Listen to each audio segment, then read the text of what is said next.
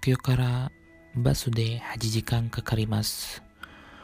東京から8時間かかるってさ、どんな街を想像できますか？もちろん、東京は都市ですね。岩手県はどうですか？超田舎なんですよ。でも、人々は東京の人より優しいですよ。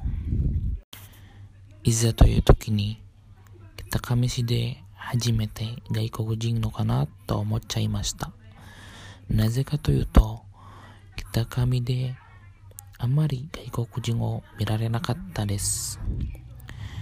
インドネシアから僕と友達合計で20人います。最初はどこにも行ったらいつもインドネシアの友達と一緒に行ったり遊んだりしました。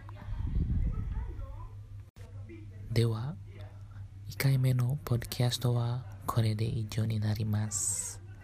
もちろん僕の経験をもっと聞かせたいと思います。